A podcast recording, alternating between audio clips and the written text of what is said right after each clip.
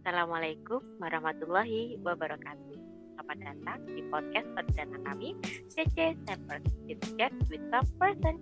Obrolan santai dengan orang-orang yang sama. Wah, pasti bakalan seru banget sebelumnya karena tak kenal maka tak sayang jadi kenalin dulu. Aku Kak Reva. Kalian harus dengerin nih harus dihafalin nih suara aku nih. Di sini aku juga nggak akan sendirian. Aku bakalan ditemenin nih sama sobat daring aku yang bakal nemenin aku buat nanya-nanya ke teman-teman yang datang. Kak Email halo. Apa kabar kakak Hai, halo semuanya. Kabar baik nih kak. Walaupun kita hanya berjumpa via suara, tapi bolehlah buat ngobatin rasa rindu kita. Nah, di episode perdana kita kali ini, kita berdua nggak bakal sendirian nih. Kita punya dua teman yang akan kita kulik-kulik selama beberapa menit ke depan. Sebelumnya, kenalin dulu nih. Di sini ada Kak Cakil dan Kak Dea. Say hello dulu dong. Halo semuanya. Hai hai semua. Halo kakak-kakak nih. Gimana nih kak kabarnya selama pandemi ini, selama di rumah aja dan selama melakukan kegiatan semuanya serba online, apa sih yang kakak-kakak lakukan di rumah? Bosen gak sih kak di rumah aja? Alhamdulillah sih kak sehat meskipun di era pandemi ini ya. Tapi ya di rumah itu bosen banget. Apalagi nggak bisa ngapa-ngapain nggak bisa keluar. Jadi yang bisa dilakuin ya rebahan tidur ngerjain tugas terus mikirin perduniawian. Tapi tentunya berusaha melakukan hal yang positif lah kalau aku sih.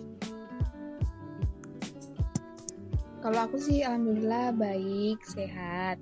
Paling kalau di rumah ya bersama sama kak Cakil tadi tapi ya kita kan juga mengalami masa-masa liburan. Nah, pastinya gabut banget kan. Nah, untuk atasi kegabutan itu biasanya melakukan hal-hal yang positif banget untuk lingkungan sekitar kita. Wah, berat banget ya kalau Kak Cakil nih memikirkan perdunia, perduniawian. Nah, kan Kak Cakil sama Kak Dia suka banget nih bahas isu permasalahan-permasalahan lingkungan. Nah, di sini kita berdua mau kulik-kulik nih Kak. Kira-kira apa sih permasalahan lingkungan kita saat ini? Boleh nggak nih Kak? Boleh banget dong. Nah, dari kalau dari sumber yang aku baca tuh sekitar di tahun 2017 ya. Itu ada konsentrasi CO2 di atmosfer itu mengalami kenaikan sebesar 405 ppm dan setiap tahunnya itu juga meningkat diikuti sama dengan meningkatnya suhu bumi. Nah, makanya kita setiap tahun itu merasa semakin panas. Bener banget nih kata Kak Dea barusan. Apalagi ya di tahun 2019 aja tercatat bumi itu mengalami kondisi terpanas sepanjang sejarah. Bayangkan terpanas sepanjang sejarah. Betapa panasnya itulah dan perubahan iklim itu bukan hanya permasalahan Indonesia saja, tapi juga permasalahan internasional juga seperti itu. Wah, ternyata ya kak, perubahan iklim ini udah benar-benar serius banget ya kak berarti. Bukan hanya terjadi di Indonesia, bukan hanya jadi permasalahan di Indonesia, tapi juga di seluruh dunia. Aku nih ya kak, sempet nih kak baca-baca Katanya penanganan perubahan iklim itu udah masuk dalam agenda pembangunan berkelanjutan 2030. Bener gak kak? Bener banget nih kak. Tapi ya di saat pandemi ini fokusnya kayak jadi teralihkan gitu. Karena COVID-19 ini menjadi sebuah permasalahan yang serius. Juga gak hanya ada di Indonesia tapi di seluruh dunia apalagi virus COVID-19 ini sangat mematikan loh. Tapi kan di era pandemi seperti ini ada dampak positif yang buat lingkungan. Nah, salah satunya itu adanya penurunan emisi CO2 dan NO2 karena banyak negara yang melakukan lockdown dan juga PSBB. Di Jakarta dan juga daerah lainnya di Indonesia menurut pusat penelitian energi dan juga udara itu penurun penurunannya sudah sampai 17 persen loh. Bener banget nih kata Kak Dea. Aku setuju banget karena penurunan emisi NO2 ini benar-benar signifikan. Apalagi ya di negara-negara seperti Italia, Spanyol, Inggris, dan bahkan di Indonesia juga mengalami penurunan ini. Hmm, berarti udaranya makin bersih ya kak di era pandemik ini. Pantesan nih banyak banget berita-berita yang kesebar di Instagram, Twitter, Facebook, dan media sosial lainnya yang bilang kalau langit itu kelihatan lebih biru, terus udaranya juga kerasa lebih segar. Selain itu, ada lagi nggak sih kak sisi positifnya dari pandemik ini selain dari yang kakak-kakak sampaikan? Pastinya ada. Seperti di tempat wisata dan tanah-tanah itu jadi lebih bersih. Lautan juga mengalami penurunan polusi suara. Jadi, hewan-hewan makhluk laut itu tidak mengalami stres lagi. Wah, ternyata nggak hanya manusia ya kak yang bisa stres. Tapi hewan-hewan juga bisa stres kalau lingkungannya itu nggak terjaga. Iya kak, bener banget. Dan dari laporan Nirlaba Plan Life itu, nggak hanya hewan aja nih kak yang dapat dampak positifnya. Tapi tumbuhan seperti tanaman dan juga bunga-bunga itu juga mengalami dampak positif mereka itu jadi tumbuh lebih banyak dari biasanya. Bisa gitu ya kak ya, berarti hewan dan tumbuhan ini punya rasa nggak nyaman nih ya kalau lingkungan-lingkungan mereka itu terganggu. Bener banget nih kata Kak Imel. Yang punya rasa nyaman gak hanya manusia ya, tapi juga hewan dan tumbuhan. Hewan dan tumbuhan ini harus mempunyai rasa nyaman kepada lingkungan sekitarnya sebenarnya sih di era pandemi ini gak hanya dampak positif aja, tapi juga ada dampak negatifnya juga loh, terutama itu di sampah plastik. Wah, ternyata pandemi ini punya banyak dampak ya buat kita yang gak hanya positif, tapi ada juga negatifnya. Seperti yang disampaikan tadi sama Kak Cakil, ada ada dampak negatifnya. Ada sampah plastik nih yang semakin menumpuk ya kak ya kayaknya ya setiap harinya ya kak ya. Nah, padahal ya sampah plastik ini nggak hanya jadi permasalahan di era pandemi aja, tapi sebelum pandemi pun itu udah sering banget ya kak ya terjadi di Indonesia. Gimana nih kak? Iya bener banget nih kak. Sebelum pandemi pun sampah plastik ini menjadi masalah ya yang besar. Tapi di era pandemi ini, masalah sampah plastik ini semakin serius. Karena sampah medis yang menurut Kementerian Hidup dan Kehutanan mengalami kenaikan sebesar 290 ton limbah medis per harinya. Bayangkan per harinya itu 290 ton. Dan juga limbah plastik dari rumah tangga. Seperti itu. Sampah plastik rumah tangga ini termasuk kalau kita jajan-jajan dari kafe, terus jajan-jajan makanan ringan dari swalayan, kemudian dari delivery order abang-abang ojol gitu ya kak ya? Iya kak, bener banget. Di era pandemi ini sering banget kan beli masker yang sekali pakai, jadi makin nambah limbah limbah medisnya kayak gitu. Wah, kalau aku sih beli masker kain dan kalau keluar uh, keluar rumah buat ada kepentingan biasanya pakai masker kain itu. Kalau Kak Reva gimana nih? Nah, kalau aku juga mengikuti anjuran pemerintah dengan menggunakan masker kain yang biasa yang bisa dicuci dan dipakai ulang kak. Jadi gak beli yang sekali pakai tuh kak kan habis dipakai dibuang pakai buang nanti makin menambah sampahnya jadi aku pakai yang masker kain. Ya terus nih kak ya tadi kan ya kita kan udah ngobrol-ngobrol nih soal dampak positifnya. Terus kak Cakil juga tadi sudah menyinggung nih tentang sampah plastik yang bisa jadi dampak negatif dari dari COVID-19 ini. Ada lagi nggak sih kak ya dampak negatif nih buat lingkungan kita nih dari pandemi COVID-19 ini? Nah, mau nambahin ya sebenarnya di era pandemi ini membuat peningkatan pemburuan binatang liar dan juga pertambangan liar di dunia. Selain itu, dapat diperkirakan di pandemi setelah pandemi ini berakhir, tak bisa dipungkiri kalau perubahan iklim dan juga masalah-masalah lingkungan itu semakin parah.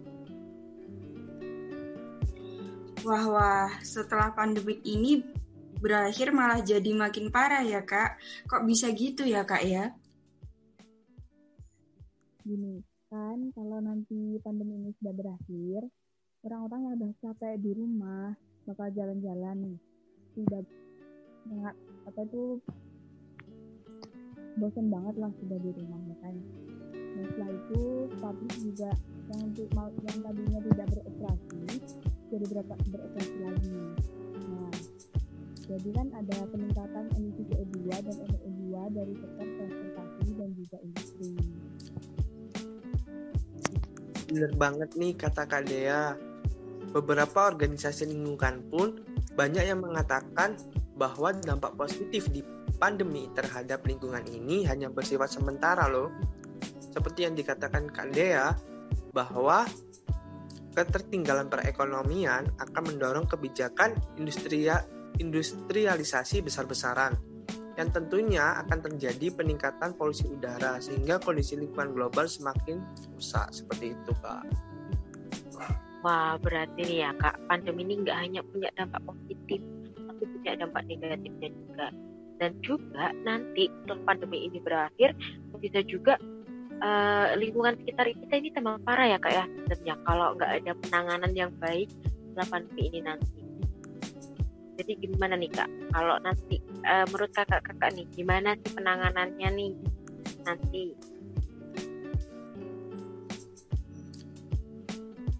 Berarti juga nih Kak, dampak positif terhadap lingkungan ini harusnya diiringi dengan kebijakan dan program-program yang memberikan sumbangan dalam rangka menghambat proses iklim ya.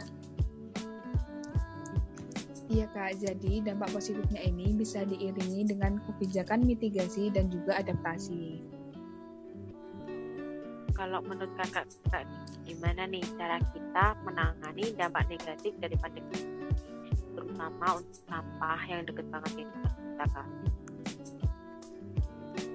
Jadi ya untuk limbah medis itu sendiri perlu ditangani sesuai dengan persyaratan agar mencegah penularan COVID-19 dan penyakit menular lainnya. Contohnya nih, dengan membentuk unit khusus teknis daerah yang menjalankan teknik operasional dalam menunjang pengolahan limbah medis ini. Jadi, di setiap daerah itu ada unit tertentu yang mengelola dari limbah medis ini. Seperti itu, Kak. Dan menurutku juga perlu ada prinsip kewaspadaan dan juga prinsip kehati-hatian dalam pengolahan limbah medis itu sendiri. Jadi petugas kebersihan itu lebih baik memakai APD nih untuk melindungi dirinya agar terhindar dari hal-hal yang tidak diinginkan juga. Jadi perlu sarana dan prasarana juga ya untuk menangani sampah medis ini dan juga untuk petugas kebersihan perlu hati-hati banget nih dalam menjaga kebersihan lingkungan sekitar dan mengelola sampah. Jangan sampai malah tertukar COVID-19 ini. Iya nih kak, jadi jangan sampai niat kita untuk membersihkan lingkungan malah jadi dampak negatif buat diri kita sendiri, apalagi sampai terkena COVID-19. Nah, tadi nih kakak-kakak ini juga menyampaikan selain sampah medis juga ada sampah rumah tangga. Gimana sih kak cara menanganinya agar sampah rumah tangga ini gak bertambah banyak nih kak? Namun kita tetap bisa stay safe dan stay healthy. Nah, sekarang kan lagi ngetrennya ngetren banget nih ya untuk sedotan stainless steel. Kita bisa menggunakan itu untuk mengurangi penggunaan sedotan plastik yang sekali pakai. Dan kita juga bisa mengurangi resiko penularan penularan dari COVID-19 ini. Nah, karena kita kan juga tidak tahu apakah sedotan yang digunakan tadi sudah terkontaminasi oleh orang lain atau hal lain belum. Wah, jadi selain untuk mengurangi sampah dari sedotan plastik, kita juga bisa ng ngikutin tren yang ada dan tampil modis dong. Bener banget nih kak, kita juga bisa ya pakai botol tumbler yang mengurangi wadah plastik minuman dari luar. Karena botol atau cup yang digunakan sama penjual di luar itu biasanya berbahan plastik di masa pandemi ini lebih baik membeli makanan atau minuman dibawa pulang. Jadi bisa lebih hemat dari plastik dan juga bisa mencegah penularan, penularan dari COVID-19 tersebut. Wah, bagus-bagus banget ya saran-saran dari kakak-kakaknya ini. Jadi selain kita bisa menjaga kesehatan, kita juga bisa mengurangi uh, sampah plastik yang ada. Nah, tadi nih Kak, di awal-awal juga kan kakak-kakaknya lihat tadi bilang nih, kalau selama di rumah aja itu berusaha melakukan hal-hal positif. Nah, kalau Kak Dia dulu nih ya, kalau Kak Dia nih, apa sih yang dilakukan selama di rumah aja yang tentunya tetap berhubungan sama lingkungan, sesuai sama apa yang kita bicarakan hari ini? Kalau aku sendiri nih biasanya berkebun, karena aku juga di daerah pegunungan, jadi aku lebih senang untuk berkebun. Nah, karena tumbuhan-tumbuhan itu juga menyerap CO2 dan menghasilkan O2. Sangat baik banget buat lingkungan sekitar kita. Sama banget nih kayak mamaku di rumah. Kerjaannya cuma nengokin tanaman aja. Ternyata dengan kita menanam tanaman-tanaman di rumah itu, kita bisa mengurangi pemanasan global dan emisi CO2 juga ya kak ya? Iya, bener banget. Nah, walaupun di rumah aja, kita juga bisa ikut berpartisipasi dalam mengurangi pemanasan global dengan cara bercocok tanam atau berkebun itu. Wah, boleh banget nih dicontoh sama kita-kita ya nih ya kak ya. Nah, daripada digabut di rumah aja, nggak tahu mau ngapain, mending kita bercocok tanam aja. Jadi selain kita bisa, mungkin ya kita bisa memanen nih ya dari tanaman-tanaman kita, kita juga bisa ikut berpartisipasi dalam mengurangi uh, apa namanya kak? Mengurangi mengurangi gas CO2 ya kak ya tadi ya kak ya. Nah kalau kak Cakil nih sekarang apa sih yang kak Cakil lakukan nih di rumah? Selama di rumah aja apa sih yang kak Cakil lakukan untuk uh, lingkungan sekitar kalau aku sih ya ikut kegiatan-kegiatan positif yang ada di lingkungan sekitar kayak kemarin itu aku sempat menyemprotkan desain disin, disinfektan lah ke lingkungan sekitar tempat tinggalku sama warga sekitar yang tentunya tetap mematuhi protokol kesehatan. Selain itu, aku juga berolahraga kayak lari pagi atau jalan pagi sambil menjaga kebersihan lingkungan. Caranya kalau lari pagi atau jalan pagi sambil mengungkut sampah-sampah yang ada di lingkungan sekitar gitu. Wah, Kak Cakil ini semak semangat sekali ya dalam menjaga lingkungan sekitarnya. Bisa nih dicontoh kita semua, si kaum milenial hobi rebahan buat meningkatkan imun dan kebersihan lingkungan. Nah, benar banget nih kata Kak Email barusan. Kita bisa nyontoh nih apa yang dilakukan sama Kak Dea sama Kak Cakil. Terakhir nih Kak, mungkin ya Kak ya ini agak sedikit lah melenceng dari topik pembahasan kita nih. Jadi aku mau tanya nih sama Kak Dia sama Kak Cecil. Apa sih pesan-pesan dari kakak nih untuk menjaga kesehatan kita selama masa pandemi ini? Siapa dulu nih yang ngomong? Aku atau Kak Cakil? Siapa aja deh, boleh. Yang penting jangan sampai berantem ya. Kak Dia dulu aja deh, ladies first kan. Cowok mah ngalah. Kalau dari aku, tidur yang cukup, makan makanan yang bergizi, rajin-rajin olahraga, dan melakukan hal-hal yang positif. Yang paling penting harus menerap, menerapkan 3M. Wah, apa nih Kak? 3M nih apa nih Kak ya? 3M nih ku apa ya tadi? Mengubur, uh, apa Kak? 3M ini apa sih Kak? Coba dong jelasin sama kita-kita nih Kak. Nah, 3M itu ada yang pertama mencuci tangan, yang kedua memakai masker, dan yang ketiga, menjaga jarak. Kalau Kak Cakil nih, gimana nih Kak Cakil? Apa sih pesan-pesan Kak? Kalau aku sih kurang lebih sama ya kayak Kak Dea. Tapi mungkin sedikit tambahan, jangan lupa menjaga kebersihan terus ya. Dan ikuti protokol kesehatan dari pemerintah juga. Oke, makasih nih buat kakak-kakak buat saran dan tips-tipsnya. Mungkin tips dan saran dari mereka ini bisa kalian kerjakan di rumah supaya nggak gabut-gabut banget nih di rumah. Ya kak, bener banget. Hari ini tuh kita udah bahas banyak banget ya kak ya. Mulai dari perubahan iklim yang menjadi permasalahan global, lalu dampak positif dan negatif dari pandemi COVID yang terjadi di dunia ini sekarang. Terus kita juga dikasih tips-tips nih kak untuk menangani sampah plastik dan sampah medis. Juga dikasih pesan-pesan nih Kak, hal-hal positif yang bisa kita lakukan di rumah untuk ikut berpartisipasi dalam mengurangi pemanasan global. Oke, sebelum kita akhiri podcast perdana kita hari ini, kita mau ngucapin banyak-banyak banget terima kasih sama Kak Dia dan Kak Cakil yang udah berbagi berbagai informasinya sama kita-kita semua. Makasih banget ya kakak-kakak. Ya, sama-sama. Ya, sama-sama kakak jangan bosan-bosan ya kak untuk datang lagi ke sini buat kita obrolin bahasan-bahasan yang lainnya yang tentunya pasti juga menarik. Aku juga mau ngucapin terima kasih nih buat Kak Email yang setia banget nih sama aku untuk nemenin aku buat tanya-tanya nih ke teman-teman yang datang ke sini. Selain itu, kita juga mau ngucapin terima kasih atas semua eh, pada semua pendengar yang sudah mendengarkan podcast perdana kami. Jangan lupa tetap tungguin ya obrolan-obrolan kita yang selanjutnya. Sampai jumpa di episode selanjutnya. Tetap di CC Sampers, Cicet with Same Person, obrolan santai dengan orang-orang yang sama. Wassalamualaikum warahmatullahi wabarakatuh.